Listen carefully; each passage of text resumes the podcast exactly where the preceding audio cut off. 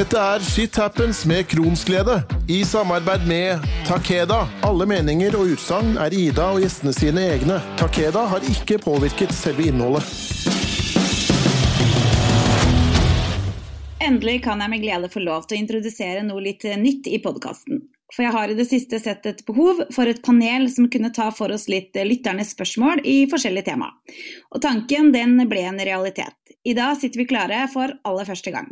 Så jeg tenker at vi ønsker velkommen til eh, IBD-panelet. Men før vi starter, så må vi ta en kjapp intro om hvem vi er. Og jeg tenker at jeg starter litt med meg sjøl. Jeg heter da Ida Vinstad, mamma til fire, samboer. Vi bor i Larvik. Så starta jeg Kronsglede i 2016, som har gitt meg muligheten til å gjøre det jeg brenner for, nemlig å kunne gi informasjon til dere. Jeg er IBD-rådgiver, foredragsholder og ikke minst eier av podkasten og vert. Og så har jeg hatt IBD nå i 20 år. Og så gir jeg ordet videre til neste i gruppa. Siri Løite, kan ikke du gi oss litt info om deg? Hei, jeg heter uh, Siri Løite. Jeg er 41. Jeg har hatt uh, diagnostisert Crohn siden sommeren 91. Uh, jeg har to barn, jente på 20 og gutt på 12. Jeg har vært heldig nå og vært tålelig fin de siste fire-fem årene. Eh, så jeg kategoriserer meg som ganske heldig der, men den sitter fortsatt med, med mye av erfaringen om eh, hva Kronsen innebærer. Mm. Og så er det Nils Jørgen Fritzøe. Hvem er du? Hvem er jeg? Jeg er eh, 41 år gammel, eh, skilt, har to barn på 13 og 17 år. Eh, har to diagnoser, eh, primær skleroserende kjolangitt og morbus Crohn.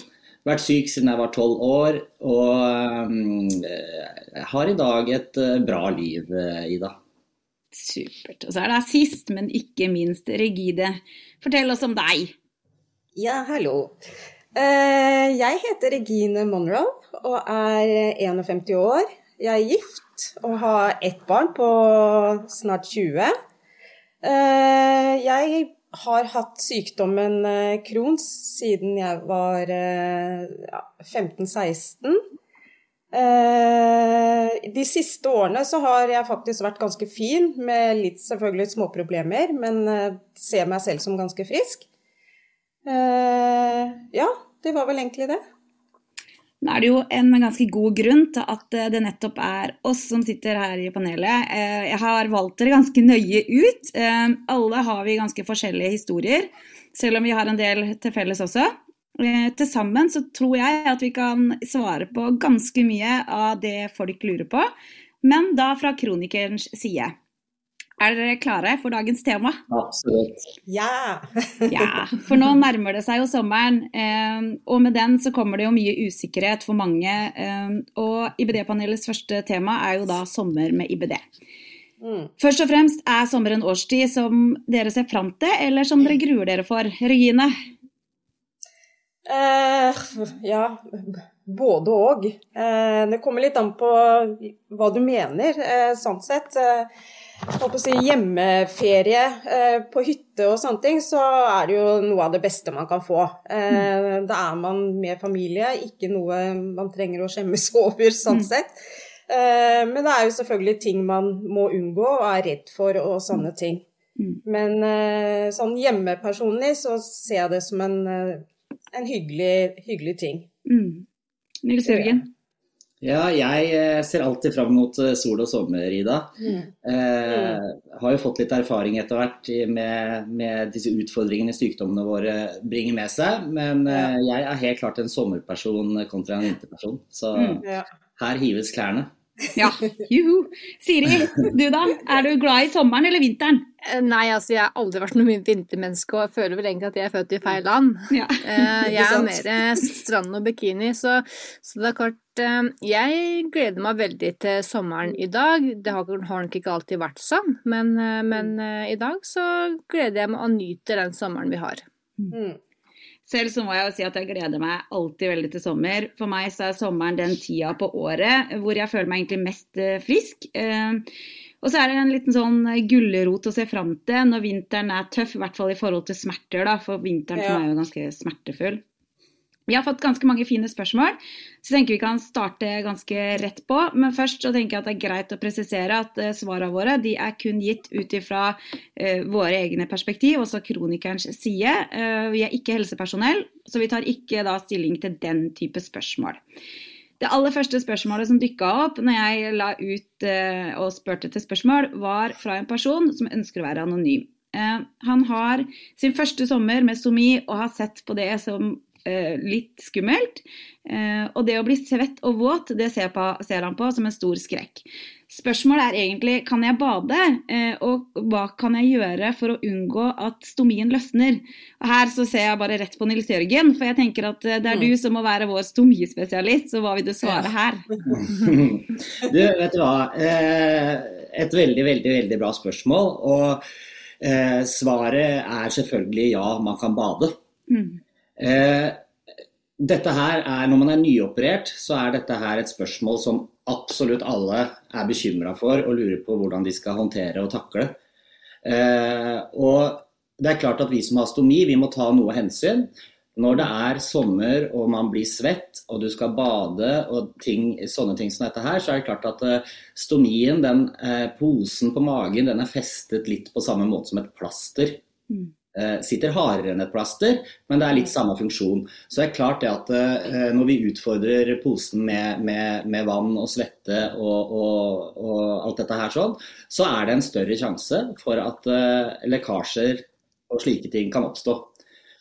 Så det å være forberedt, det er, det er absolutt å anbefale. Så ha gjerne med deg litt skift og en ekstra pose og disse typer tingene, men aldri la være å bade og aldri la være å kle av deg selv om man har eh, pose på magen.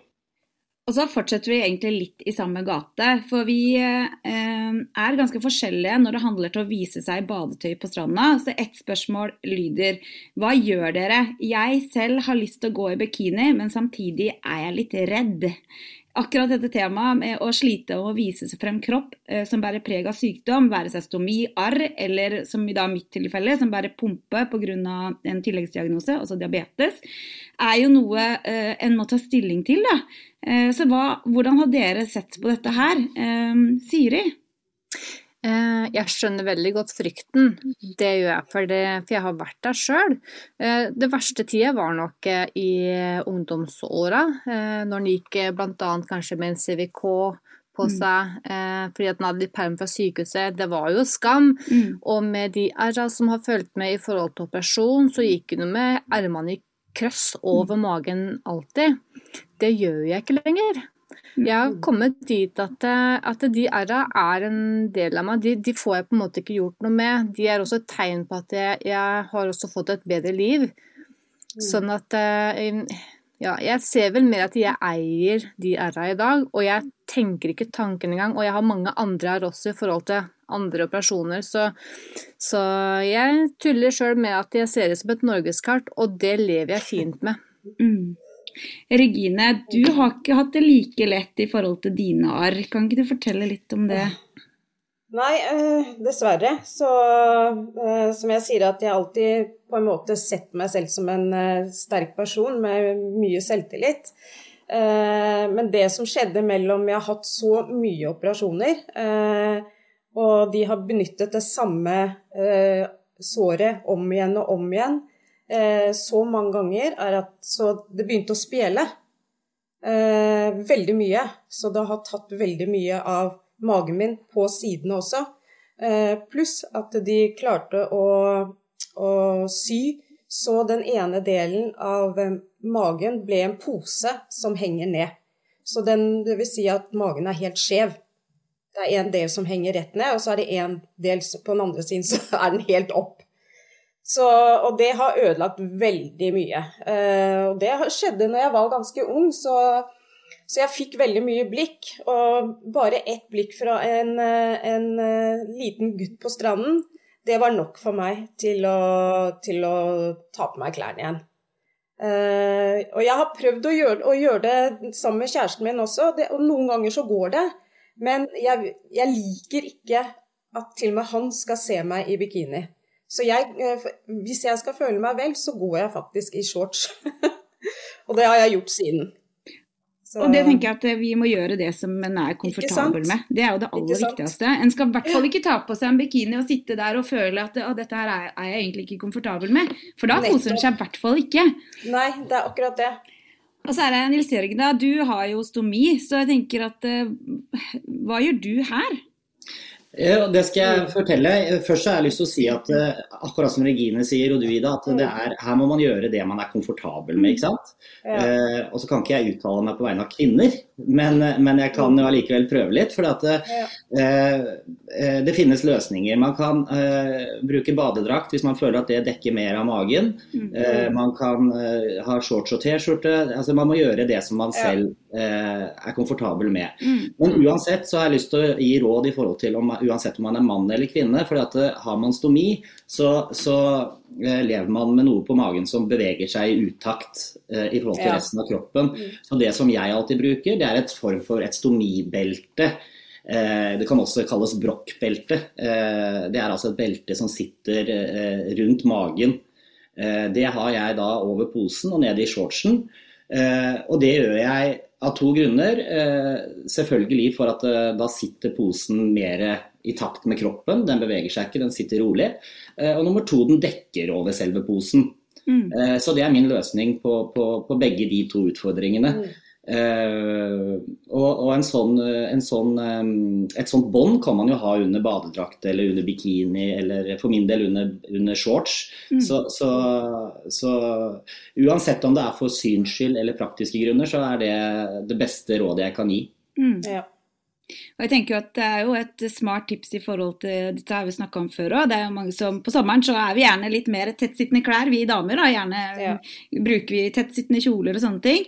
Og et sånt ja. belte vil jo i hvert fall um, Om ikke det gjør at stommen ikke syns, så vil den kanskje føle i hvert fall seg litt mer komfortabel. Så det er jo et kjempebra tips. Mm. Og så har vi fått to spørsmål fra ei som heter Katrine Hammer. Eh, og nummer én, eh, hvordan kan man planlegge for det uplanlagte med f.eks. lange bilturer, eh, plasser hvor man ikke nødvendigvis har tilgang til toalett osv., og, så og likevel klare å ha det fint på tur?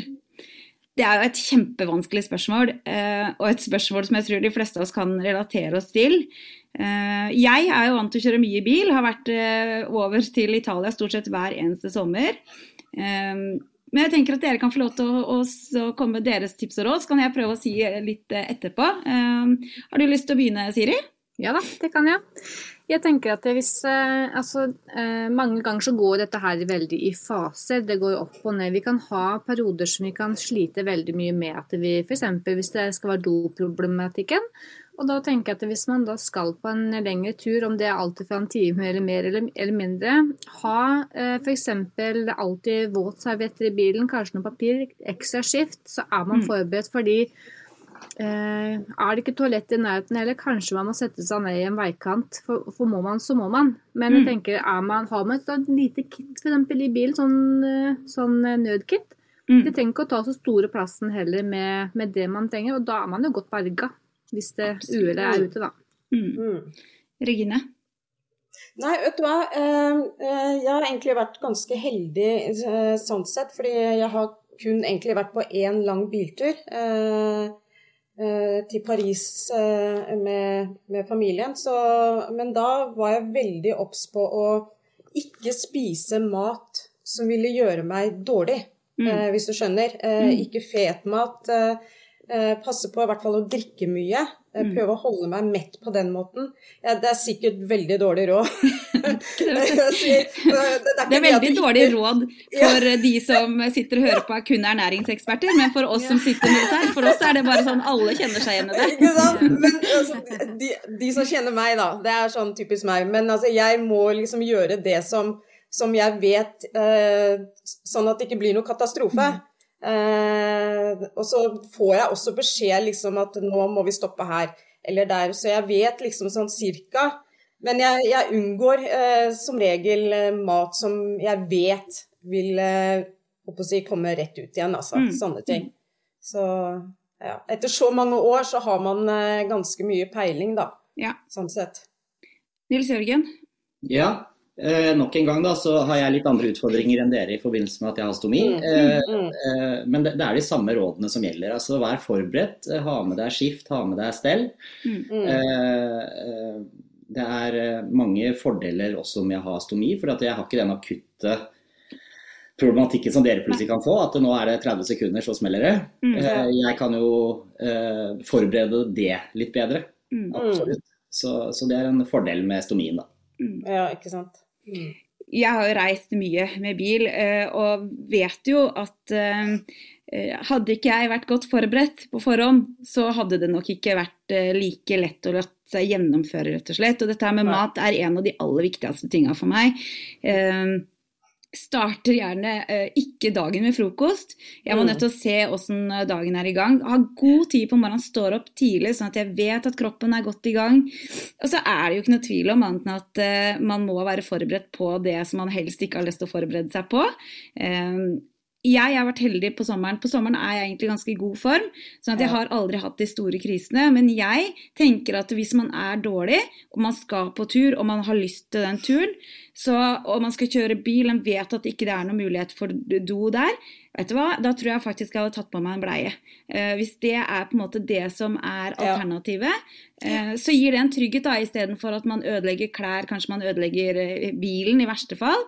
Ja. Eller så fins det disse fine kladdene da, som man kan kjøpe på apoteket, som man kan i hvert fall eh, ja, men med den bleia så er det jo hele bleie eller innlegg for den saks skyld. Det spørs jo også ja. hvor mye som kommer. Så tenker jeg at mm. Eh, Eh, resten av familien får jo ikke nødvendigvis med seg alt heller, som om det skulle gått skikkelig gærent i bilen uten at du hadde eh, satt eh, deg i en, i en, litt bedre situasjon, hvor du hadde, hadde rett og slett eh, ja, tatt for å beskytte deg litt. Eh, ja.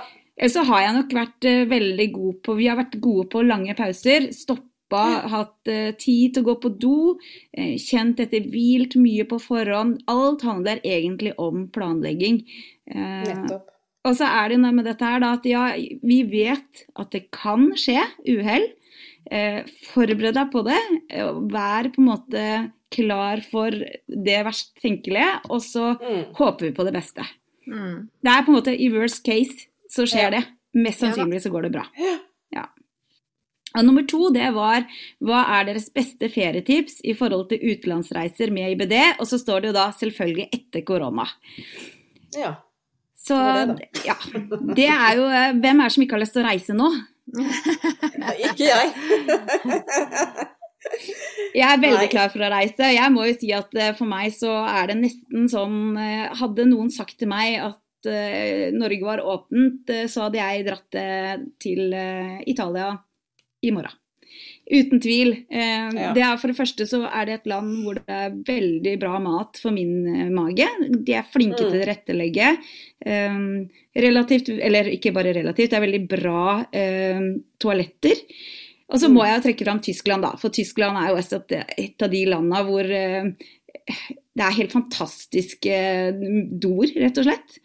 Det derre å komme inn på en eh, gate, altså, eller en sånn, det, gatekjøkken eller whatever, det er sånn, så er det jo egne mennesker som står og passer på doen. Det er så reint og så fantastisk flott.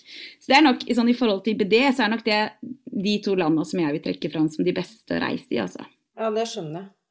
Siri, har du noen eh, tips? Eh, jeg tenker Hvis man er veldig redd for den biten med å kanskje komme på, eh, på sykehus i utlandet, redd for mat og en del sånne ting. Eh, så tenker jeg det er mye man kan forberede på forhånd. Eh, man kan, man kan sjekke ut, for det finnes veldig mange bra sykehus bl.a. i utlandet. Absolutt. Man kan sjekke opp eh, hvem land for eksempel, som har bra sykehus, hvis du skal tenke Sydenland. da. Og så er det mm. mange som har veldig dårlig, så det er kanskje greit å være litt forberedt på det hvis man vil være opptatt av det. da. Man kan snakke med familien sin i forkant. Hva kan de gjøre for at du skal få en bedre opplevelse av eh, ferien, sånn at du kan slappe litt av og nyte det? For jeg syns det er veldig trist at sånne reiser skal stoppe en fra å reise Absolutt. på ferie og kunne ha fine opplevelser og skape gode minner, da. Mm. Tenker kanskje i forhold til mat, ligge unna kanskje sånn lugubre, skitne bakgårdsrestauranter. Eh, kanskje ligge unna buffeer og sånne ting. Mm. Mm. Men det er jo viden kjent for de som ikke har IBD også. Absolutt. Ikke sant? Så, mm. Sånn at um, ta bare forhåndsreglene og reis på tur og kos deg, tenker jeg. Mm. Altså Det er til for å nytes, det også. Det er jeg helt enig i. Ehm, jeg skal spørre deg også, Nils Jørgen. Jeg skal bare si at uh, dette her med utenlandsreiser det vil vi faktisk ha en hel episode om uh, til høsten. Uh, så der vil vi ta opp veldig mange mer nyttige tips om akkurat dette temaet her. Men Nils Jørgen, hva er ditt beste ferietips? Altså, hvis man, eh, hvis man, tenker litt land, Nå har jeg vært så heldig at jeg har nesten reist verden rundt. Mm. Eh, med stomi og uten stomi og alt dette her. Eh, og jeg har også besøkt eh, sykehus rundt omkring. Eh, og har gode opplevelser stort sett med, med det overalt. Eh, mm. Spania f.eks. har jo et bedre helsevesen vil jeg påstå enn hva vi mm. har. Mm. min opplevelse er at ting ofte går raskere og, og man kan få fortere hjelp enn hva man mm. opplever her hjemme i, i trygge Norge. Eh, så jeg tror du kan reise akkurat dit du vil, eh, mm. med forholdsregler som, som Siri er inne på. Og mitt beste tips i forhold til å reise, det er å være eh, forberedt i Nå tar jeg i forhold til stomi. Pakk, fordel utstyret ditt mellom håndbagasje og, og bagasje du sjekker inn. Sånn at du hele tiden har ting lett tilgjengelig, både på fly og på, hvis du måtte trenge det der, men også i forhold til at bagasje dessverre kan bli borte. Og mm. at du har noen av disse tingene du er avhengig av eh, tett til eh, kroppen hele tiden, mm. så, så, at du har kontroll på utstyret ditt. Det er viktig. Kjempeviktig og veldig bra tips. Nå har vi fått et nytt spørsmål, og det er egentlig et uh, spørsmål som vi egentlig har svart litt på allerede. Men uh, det er da et spørsmål til panelet og deres tema ferie. Uh, jeg har selv Krono IBS. Eh, og det jeg syns er vanskelig med ferie, er kanskje ikke selve dogåingen eller all smerte, men en redsel. Redselen for å havne da på ukjent sykehus, redselen for å ødelegge familiens ferie, redsel for ukjent mat, redsel for å ta, for å ta opp doen på flyet f.eks. Eh, og da det her med å få hverdagen eh, til å gå mest mulig opp hjemme da, etter en ferie. Eh, også for meg så er det da skambelagt, sier hun, eh, og synes at det er vanskelig å snakke om. Fordi jeg føler at eh, ikke de rundt henne da forstår eh, dette her så veldig bra, det at hun er redd. Og sier da til at dette går, bare, dette går bra, det er ikke noe å bekymre seg for. Um, hvordan da klare å få de redslene til å ta mindre plass i kroppen og hodet når vi endelig liksom skal nyte en ferie, sier Marie. Og dette her er jo en Jeg må si jeg får helt vondt i kroppen når jeg leser spørsmålet, fordi jeg tror alle sammen kan kjenne seg igjen i deler av dette spørsmålet. Samtidig som jeg tenker at det er trist at hun skal tenke sånn. Um, Nils Jørgen, jeg tenker jeg kan begynne litt med deg. Hva tenker du om dette her? Ja, kjempebra spørsmål. Uh, jeg tror at for, for, alle kronikere så er det litt sånn at vi er kanskje mer opptatt av faste rammer eh, enn hva andre friske mennesker er. Mm. Og det vil jo da igjen si at vi ofte har det bedre når hverdagen når vi er i vanlig hverdag, vi mm. gjør de faste tingene våre og, og, og sånne ting, så mm. eh, ofte så blir vi litt stressa av ferier. Akkurat som hun nevner her. Mm. Eh, jeg tror det er viktig å prøve så godt man kan å tenke positivt. Eh, ta ting litt som det kommer. Eh, har man familie og barn og sånne ting, så, så Eh, betrygg de med at uh, må du en tur på sykehus eller er det et eller annet som skjer, så, så kan de altså, De skal ikke ha dårlig samvittighet overfor at du er dårlig. Mm. Så, så, eh, det handler mye om hvordan man kommuniserer med familien. og at man ja, uh, uh, De skal ikke ha dårlig samvittighet for at de ligger på stranda hvis du er så uheldig at du havner på sykehus f.eks. Mm. Sånne ting er veldig viktig å snakke om. Ja. Kjempefint. Siri, du snakka litt om det i stad òg, men mm. Ja, så litt den der også, de skal ikke ha dårlig samvittighet heller. Si hvis, Man trenger ikke kanskje ligge på sykehus heller.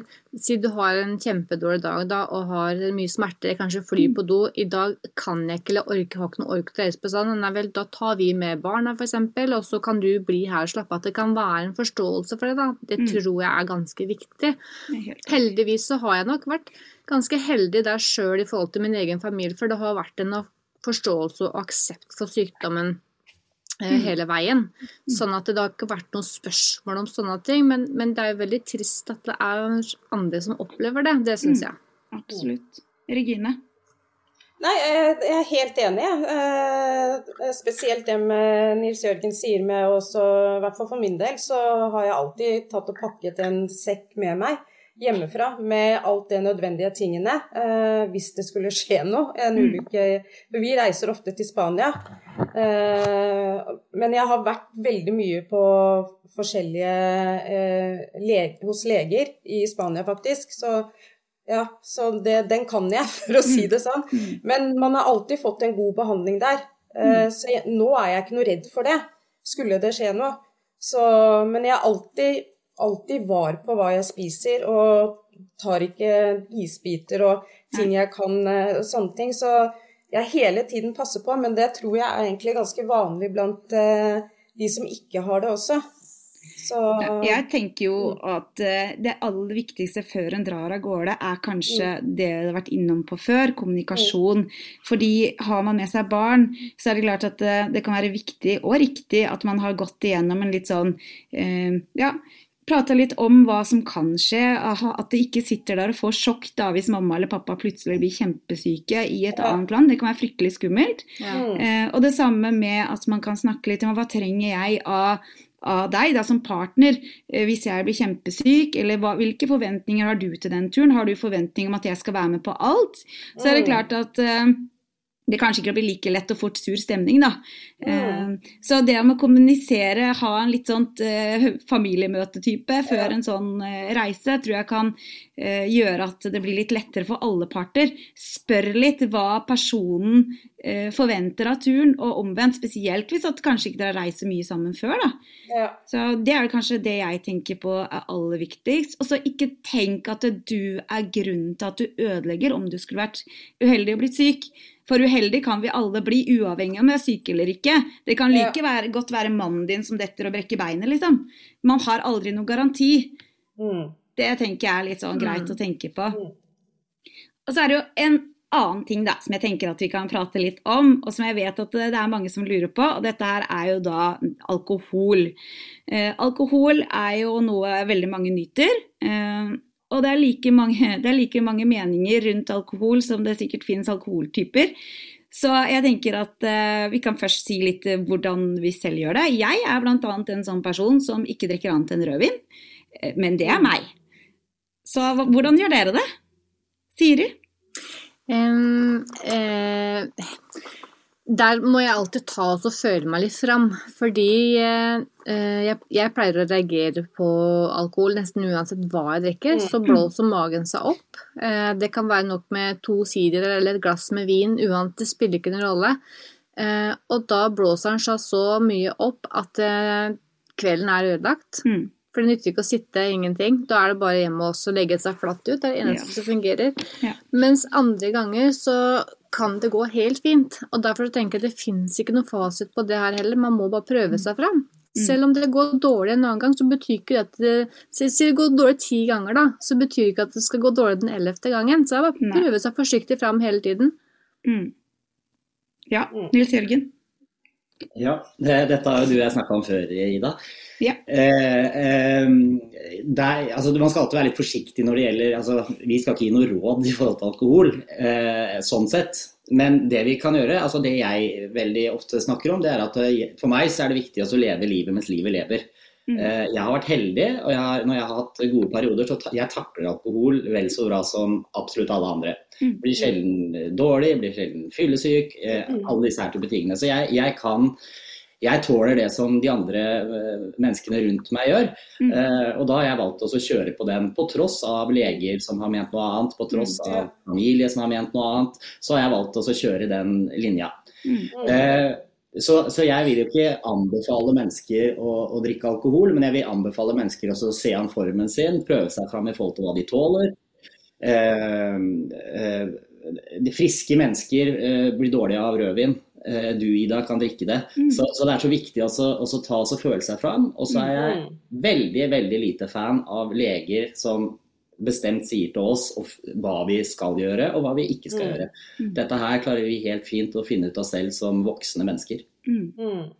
Jeg tenker at vi skal faktisk være litt forsiktige og komme med den der pekefingeren på at altså, Jeg kunne gjort det nå. Jeg kunne sagt at vet du hva, jeg tåler rødvin, da går det helt fint for deg å drikke rødvin også. Mm. Eh, men det fungerer jo ikke sånn.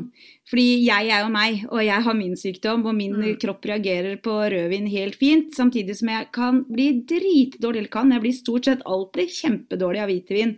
Hvitvin er det kjempemange andre som kan drikke. Og det er egentlig et bevis da, på at uh, her er det like mange forskjellige uh, svar på dette med alkohol da, som det er oss som er mm. syke. Regine, du, hva, hvordan har du uh, forholdt deg til dette? Nei, altså for min del, eh, jeg kan ikke drikke. Nei. jeg har ikke drukket på gud vet, jeg. Men eh, hvis jeg tar sjansen på det, så må jeg være forberedt at jeg ligger på toalettet hele dagen etterpå. Mm. Og nesten sovner der fordi jeg blir så dårlig. Og ligger med en så høy migrene at jeg får feber. Ja. Så... Og da tenker jeg kanskje ikke det er verdt det, eller? Nei, jeg syns ikke det. Jeg syns virkelig ikke det, altså. Da, da klarer jeg meg med brus og Farris, altså. Ja. Så... Kan, og det er det som er, man kan ha det like morsomt med, og man mm. kan fortsatt være med i like mange sosiallag. Altså, sosiallag er ikke knytta til at du må, Nei, må drikke mye. Nei, nettopp. Så, ja. Ja, det er kjempeviktig. Så, ja. Og da har jo også spørsmålet kommet egentlig videre til dette her med grillmat, frukt, ikke ja. sant. Det er mye av det samme greia. Mm. Eh, og det tenker jeg at svaret må bli litt av det samme. At eh, mm. noen kan fint spise grilla mat. Andre kan spise noe. Og så er det noen som ikke kan spise i det hele tatt. Og så er det dette her igjen, da, som, som, Siri var inne på, at eh, dagsform har jo en viktig greie her. Um, en dag så kan jeg spise akkurat hva jeg vil, og det går helt fint. Og så mm. dagen etter så kan jeg faktisk ikke spise noe av det. Og Derfor så tenker jeg at dette her med å si helt bastant at nei, jeg, jeg kan ikke spise det. Hvis du har prøvd det én gang, det kan være litt skummelt, da, for du kan gå glipp av veldig mye god mat eller godt drikke. Fordi uh, noen ganger så lønner det seg å prøve litt igjen. Eh, hvis det er noe du har veldig lyst på. Eh, fordi at eh, det kan det godt hende det går helt fint å spise den grillmaten eller en koteletta dagen etter, eller en uke etter eller år etter der også. Ja, ikke sant? For vi er i forskjellige stadier hele ja. tida. Det er rart, altså. Mm. Det er veldig rart. Ja, jeg tenker at Det er også en av grunnene mm. til at vi ikke har en diett å leve på. da. Det er jo en av ja. grunnene til det, fordi at det her er så veldig individuelt. Både fra menneske til menneske, men også nesten fra dag til dag. Veldig. Eh, det har jeg merket mye på selv òg, altså. Så det er veldig bra du sier det. ja, ja, men har dere noen annen opplevelse på det, på en måte? Har dere nei. Tenkt, nei, for det er samme greia. Ja, ja, Dette her er veldig individuelt fra dag veldig. nesten til dag. Ja. Det, det er spesielt på frukt så har jeg eh, det, med, med dagsform og sånne ting.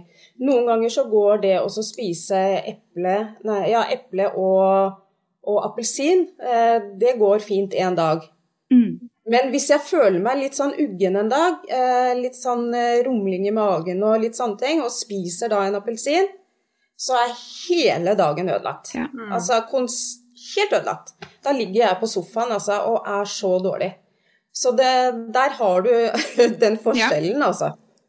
Ja, så tenker så... jeg også da at hvis du skal eh, Hvis du tenker at nei, nå har jeg lyst til å prøve noen eh, nye ting, så mm. ikke begynn med alt på en gang. Det kan jo være lurt å tilføre én og én ting. Kanskje rett og slett skrive opp i en bok at nei, da så prøvde jeg potetsalat. Eh, prøv det noen ganger, se om det er noe sammenheng. Ja. På den måten altså, kan du jo uh, få litt kontroll på hvert fall Det er jo gjerne sånn at det er noen ting som magen reagerer oftere på enn andre ting, da. Ikke sant. Det er kjempesmart. Mm. Eh, ja, Nils Jørgen, har du noen tanker rundt dette? Ja, det har jeg så absolutt. Og så, eh, når jeg måtte operere i 2006, så fjernet jo jeg hele tykktarmen og deler av tynntarmen. Mm. Eh, og fordelen med det, og det har jeg lyst til å si til alle der ute som sitter og kanskje har fått beskjed om at de en gang må operere, eller at de, de går og er redde for, for, å få stomi på magen, mm. så. Eh, jeg har jo på mange måter tatt vekk store deler av det som er problemet med sykdommen. Mm. Fjernet hele tyktarmen, deler av tynntarmen. Så det vil jo da si at min mage den oppfører seg veldig mye roligere enn hva akkurat det dere beskriver nå. Jeg kan ja. huske eh, de situasjonene som dere snakker om nå. Det trenger ikke jeg lenger å ta hensyn til. Nå kan jeg spise alt hva jeg vil. Eh, gjøre, altså, jeg, kan, jeg har en helt annen ro rundt mat og drikke enn hva jeg hadde før jeg måtte operere. Ja. Eh, så det er mange fordeler med en sånn ja, operasjon. Absolutt. Ikke sant? Du får livet ditt litt tilbake igjen. Du tar bort det verste med sykdommen. Ja. Så jeg, å, jeg fikk ikke sagt det i stad, jeg har bare lyst til å si det. fordi at eh, Når du fjerner tykktarmen sånn som jeg har gjort, eller man har en tykktarm som ikke fungerer 100% sånn som, sånn som dere har, mm. så er det jo sånn at det er også veldig store sjanser for å bli mer dehydrert enn andre. Mm. Og dehydrert blir vi på sommeren når, når, det er varmt, når man svetter mer. Eh, så eh, litt tilbake til dette her med alkohol også. Eh, og det trenger ikke være i forbindelse med alkohol. Det kan også være trening eller situasjoner hvor man svetter mer. Så uh, vær flinke til å drikke masse vann. Mm. Uh, og oppsøk gjerne apotek, og hør, forhør dere litt rundt i forhold til uh, hva er det vi kan, er det vi kan ta, putte i oss som gjør at vi kan holde litt mer på væsken mm. enn en, hva andre har. Mm. Og da vet du at jeg har det tipset rundt denne det er en brustablett som heter Resorb, mm. eh, som er helt reseptfri. Eh, som egentlig eh, består av altså Den gir kroppen salter og elektrolytter som du veldig fort mangler i forbindelse med når du blir rehydrert. Mm. At kroppen henter seg raskere inn igjen enn den gjør hvis du f.eks. bare inntar væske i form av vann. Mm. Eh, så det er et sånt kjempetips som jeg har det mye bedre gjennom sommeren på enn, hvis ikke jeg hadde eh, tatt eh, Resorb. Og Det er jo kjempebra tips. Altså. Vi skal komme litt nærmere inn på det etterpå. Du skal få lov til å nevne det enda en gang til, rett og slett. Eh, eh, og så tenker jeg, vi har, til, vi har, fått ett spørsmål til som er litt sånn greit å få med, tror jeg. Fordi det er et spørsmål om arr. Vet du, Kari er ganske, ja, relativt nyoperert, fire måneder siden, og har fått et ganske stort arr over hele magen. Legen sa ingenting om hva jeg bør gjøre med dette arret. Hvilke ting må man eh, Kan man sole seg som vanlig? Kan man bade som vanlig? Her er det i hvert fall to jenter som sitter med relativt Eller det er flere. Men eh, kom igjen. Eh, Siri og Regine. Fyr løs. Ja, nei. jeg har Jeg har hatt lilla arr på mm. bakgrunn av manglende informasjon fra mange år tilbake. Sånn at det er jo noe en har lært seg å dekke til. Mm. Eh, og trenger, du trenger ikke å dekke til med store plastelapper at du, det trenger å være sjenanse heller. Du har jo de små, eh, de brune plasterteipene mm. som går forholdsvis i ett med huden. Dekke til med det. Når du går i sola, så unngår du i hvert fall at æra blir lilla. For ja. det, det, får du ikke tilbake til vanlig standard altså hvis de først har blitt lilla. Så det er et godt tips. Mm. Regine, har du noe Ja, eh, det er vel det at du må holde deg i hvert fall ca. en måned vekk fra solen for å ikke få disse pigmentflekkene. Eh, på oss mørkhudede, eh, mm. hvis det er noen mørkhudede som hører på, mm. så må dere være veldig obs på at vi får sterkere pigmenter enn eh, lyshudede. Eh, mm. Det er litt viktig. Og det kan jeg se på meg selv. Mm. Fordi jeg som regel orket ikke å gå med disse uh, arrplasterne som man mm. bruker fordi jeg svettet så mye. Fordi arret går så langt opp. Så, så, jeg tok det av mange ganger, og mm. det skulle jeg aldri ha gjort. fordi etter det så har jeg fått veldig stygt og nesten svart arr etter det, altså. Så folk må være veldig passe på det der, der altså bruke mm. det plasteret så mye som mulig i, i, eh, i solen, altså. Mm. Vær så snill. Ja. Virkelig. Siri, du, mm. du, er klar for å si noe mer? Ja, eh, og det gjelder eh, hele, i hvert fall den første sommeren, og de anbefaler også nå ja. sommer nummer to etter ja. en person å dekke til ære. Fordi at det, det er fortsatt forholdsvis først det er mye som skal på plass igjen der før ja. Sånn at eh, helst to somre etter en mm, operasjon som er dekkes til. Ja. ja, de sier lengre, men det er sånn eh, i hvert fall til skorpen faller av og sånne ting. Men jeg mener at det skal være mye, mye lengre, altså. Mm. Sånn sett. Så, så, jeg er helt enig med deg, Siri. Så... Mm. Og du Nils Jørgen, har du noe å tilføye her? Ja da, det har jeg. Eh, I forhold til, eh, Hvis man ser bort fra disse årene mm. selvfølgelig i starten, eh, hvor, arvene er ferske og alt dette er sånn, så mm. for min del så har jeg aldri dekket meg til med plaster eller noen verdens ting, men jeg har brukt sunblock, den mm. leppestift-type som man tar på leppene. Og så er det sikkert ikke det et godt nok råd, men det er noe sånn jeg en gang har gjort det, og, og det har gått helt fint med meg. Så jeg, jeg bruker rett og slett bare en sånn sunblock over arret. Ja. Det, det, var det tipset jeg fikk uh, på mine år, da. Eh, relativt helt andre, eller for, det er helt andre grunner til at jeg ble operert enn en, eh, Kronsen. Men jeg fikk beskjed om å bruke sunblock ganske lang tid, faktisk. Jeg mener det var i hvert fall et år hvis jeg skulle være i sola. Ja. Men så er det, vi har fått inn et tips fra ei som heter Helene, som jeg tenker at det er egentlig et ganske bra tips. Fordi Eh, hun har lyst til å slå et slag for bobilferie. For med den så slipper du redselen med å ikke rekke do, slipper å sitte på offentlig toalett, og ikke minst så slipper du å tenke på så mye av hva som kanskje kan skje. Så jeg bare takker for tipset, Lene. Så jeg tenker litt på hun mm. som var litt redd for dette her med ferie, da. Kanskje man skal begynne eh, så enkelt med en bobilferie, leie seg en bobil, kjenne på åssen det er. Da har du med deg toalettet overalt. Eh, går det, ta neste steg med ferie uten bobil. Har dere prøvd bobilferie, folkens? Nei, faktisk ikke. Campingvogn, ja. ja. Mm. Det er jo litt av det samme. Ja, det er det. Jeg har heller aldri gjort det. Og det kan du også ta med deg til utlandet. Du kan jo ta med både campingvogn og bobil nedover til Syden, så du kan fortsatt få sydenferien din om, om det er det man ønsker. Mm. Det er kjempe, kjempegodt uh, tips, rett og slett. Veldig bra. Ja. Veldig bra. Absolutt. Nå har vi jo prata veldig mye, men jeg ønsker gjerne å høre deres verste sommerminne med IBD litt sånn før vi runder av. Um, vi begynner litt med Siri, vi. Jaha. Ja.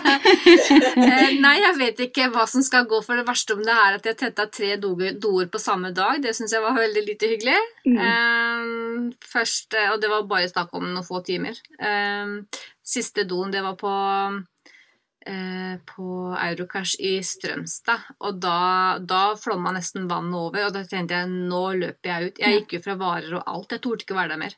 Nei. Så det, sånne ting, det er jo veldig lite hyggelig. Mm, men, eh, mm. men ellers så, hvis jeg skal tenke sånn fra fra jeg har vært barna, så er det veldig lite få mm. eh, gode sommerminner. Fordi mine somre har egentlig bare vært sykdom. Jeg ble jo verre på somrene. Så det Ja det er ikke så mye gode sommerminner Nei. generelt. Nei. Men jeg tenker at det er i hvert fall noe folk kan relatere seg til, tror jeg. Det, det, det å sitte på do og kjenne på den Ja, jeg tror mange har opplevd det. Regine, hva er din ja. historie? Ja, eh, jeg har ikke noe komiske sommerverste minne. Det er egentlig bare forferdelige, så jeg visste ikke hvem jeg skulle ta til. Jeg spurte mannen min i går bare hvem syns du jeg skal ta? Ja, men du har jo hatt så mange, hvem er det du skal velge, da?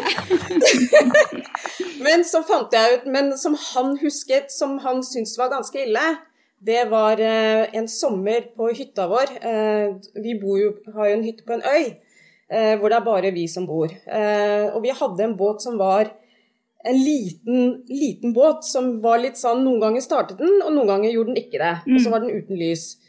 Så midt på natten så våknet jeg opp med umenneskelige smerter. Eh, de var så grusomme. Mm. Så da var det bare at han omtrent måtte bære meg ned i svarte natta, så ingenting, ned eh, fjellsprekkene og sånn, ned i båten. Og putre inn, fordi hadde han kjørt fort, mm. så hadde det gjort så vondt. Mm. Så jeg tror vi, vi, brukte en evighet for å komme inn til Brevik. Og så var det opp fra båten, inn i bilen, å kjøre til Porsgrunn, eh, sykehuset. Og alt dette her tok jo så lang tid, og så ble jeg lagt inn, eh, lagt inn der sånn. Mm. Det, det, og det husker jeg så godt, altså. Mm. Men da var jeg ordentlig syk, altså. Ja. Så, så den, den, den, husker han veldig godt. For den det var han usikker på hva som kom til å skje, altså. Så, ja, ja, ja. En blir jo livredd. Ja, er du gæren. Mm. Og, Nils Jørgen, hva er din, eh, din historie? Jeg også har eh, mange å ta av. Men, mm. men en som jeg kan fremme, det er jo året etter jeg opererte i 2006, altså sommeren 2007, så var vi en tur på Mallorca, jeg og min daværende kone og Felicia. Min eldste datter. Oskar var ikke mm. født. Og så skulle vi rusle fra hotellet bort til en strand som lå to kilometer bortenfor hotellet. Eh, og når vi kom fram til den stranda, så var det så store, fine bølger. Og jeg, eh, jeg blir jo sånn ca. tolv år i hodet når sånt skjer, så jeg slapp det jeg hadde og stupte inn i den første, største bølga jeg fant. Uh, og uh, kommer opp av vannet og ser til min store forferdelse at uh, posen er borte. Så da har den forsvunnet da med bølja. Eh, og jeg har da ikke med noe skift, selvfølgelig, for det er jo sånn jeg opererer. Eh, ingen veisvingen. Så da må jeg altså ta et håndkle rundt magen og rundt livet, og så må jeg rusle to kilometer tilbake til, til hotellet. Ja. Dusje og ta på meg nytt uh, stomiutstyr og ta en taxi tilbake igjen til familien som ventet på meg på stranda. Men, men eh, var du på en måte Tok du med deg skift da gang nummer to? Nei. Nei. Nei! Fy søren. Altså, det må ha vært ganske Åh, tøft, det. Ja, gud, altså. Åh, fy søren. Min historie handler jo litt om det samme som Siri sist, eh, det hun fortalte i starten, egentlig. Jeg også kan jo ta av veldig mange, men eh, jeg og mannen min vi skulle på tur med ferje. Eh, og før vi på en måte kommer inn, så står vi jo i kø. Bilene står på rekke og rad. Og hvis, egentlig så var jeg ganske fin i form.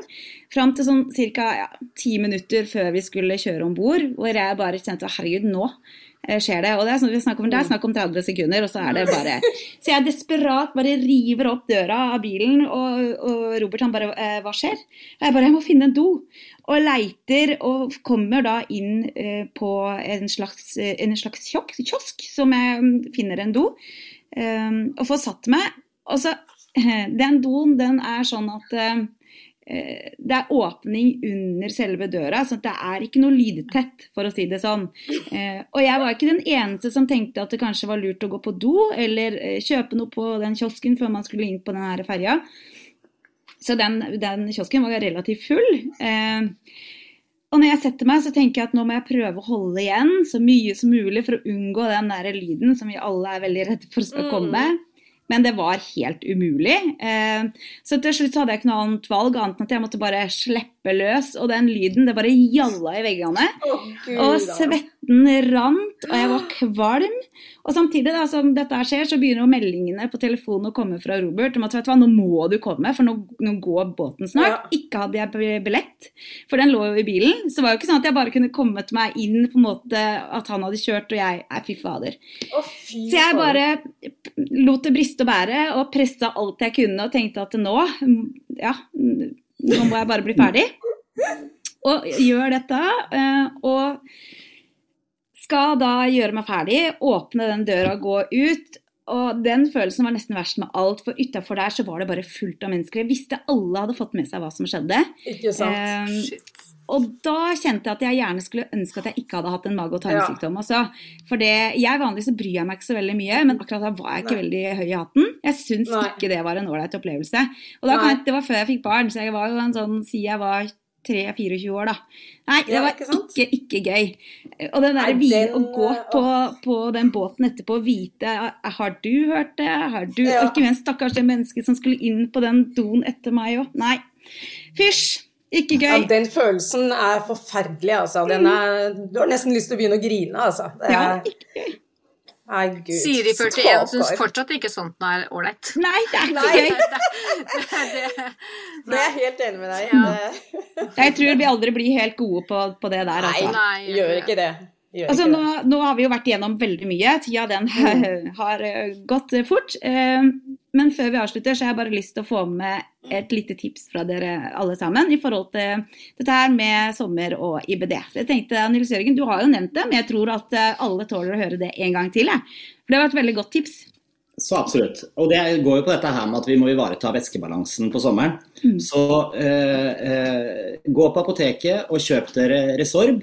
Eh, mm. Smaker eh, fantastisk, det er ikke noe bismak ved det i det hele tatt. Eh, dette gjør at væskebalansen og vi får i oss disse saltene og elektrolyttene som vi trenger mer enn andre. Mm. drikk nok vann, og, og, i forhold til alkohol også, ta et glass vann mm. innimellom. Mm. og ellers lev livet. Ja. Mm. Godt tips. Regine?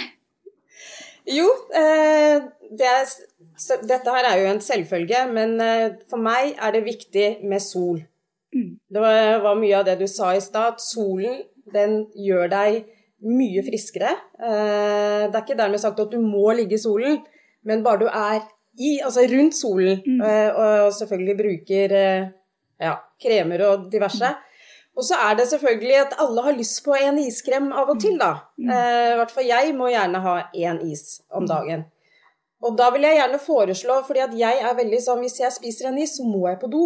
Mm. Og da sitter jeg der gjerne med fulle magesmerter eh, og ikke kommer meg opp. Mm. Så da lønner det seg å gå på apoteket og så mm. spør etter noe som kan hjelpe, sånn at det da ikke vil skje. Mm. Så det er mitt råd. Mm. Siri?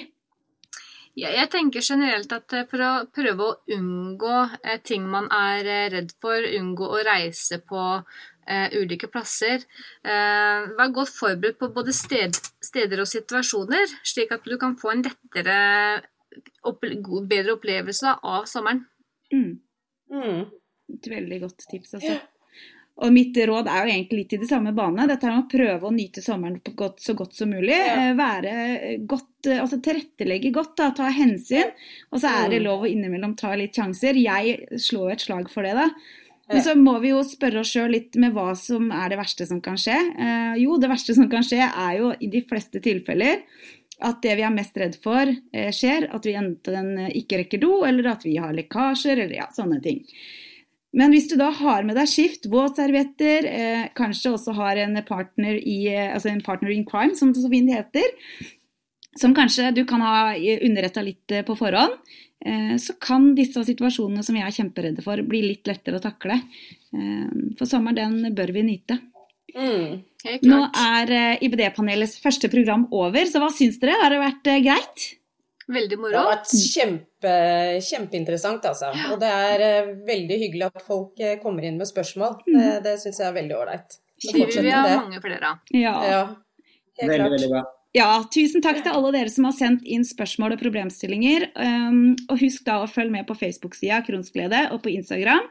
Eh, om framtidige tema som IBD-panelet skal ha. Eh, vi ønsker deres spørsmål og deres engasjement rundt de temaene vi har.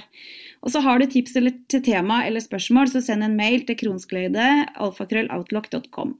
Merk det med IBD-panel om eh, det er til det, for da er det mye lettere for meg å holde styr. Så må dere bare sende melding på Facebook eller Instagram. På Instagram så heter jeg shithappens-kronsglede. Tusen hjertelig takk for hjelpa, alle sammen. Det har vært en eh, morsom innspilling. I like måte. Tusen takk, Ida. Til vi høres igjen, så lev livet på tross av sykdom da, folkens. Sykdom er kun en liten del av det. Shit happens med Kronsglede i samarbeid med Takeda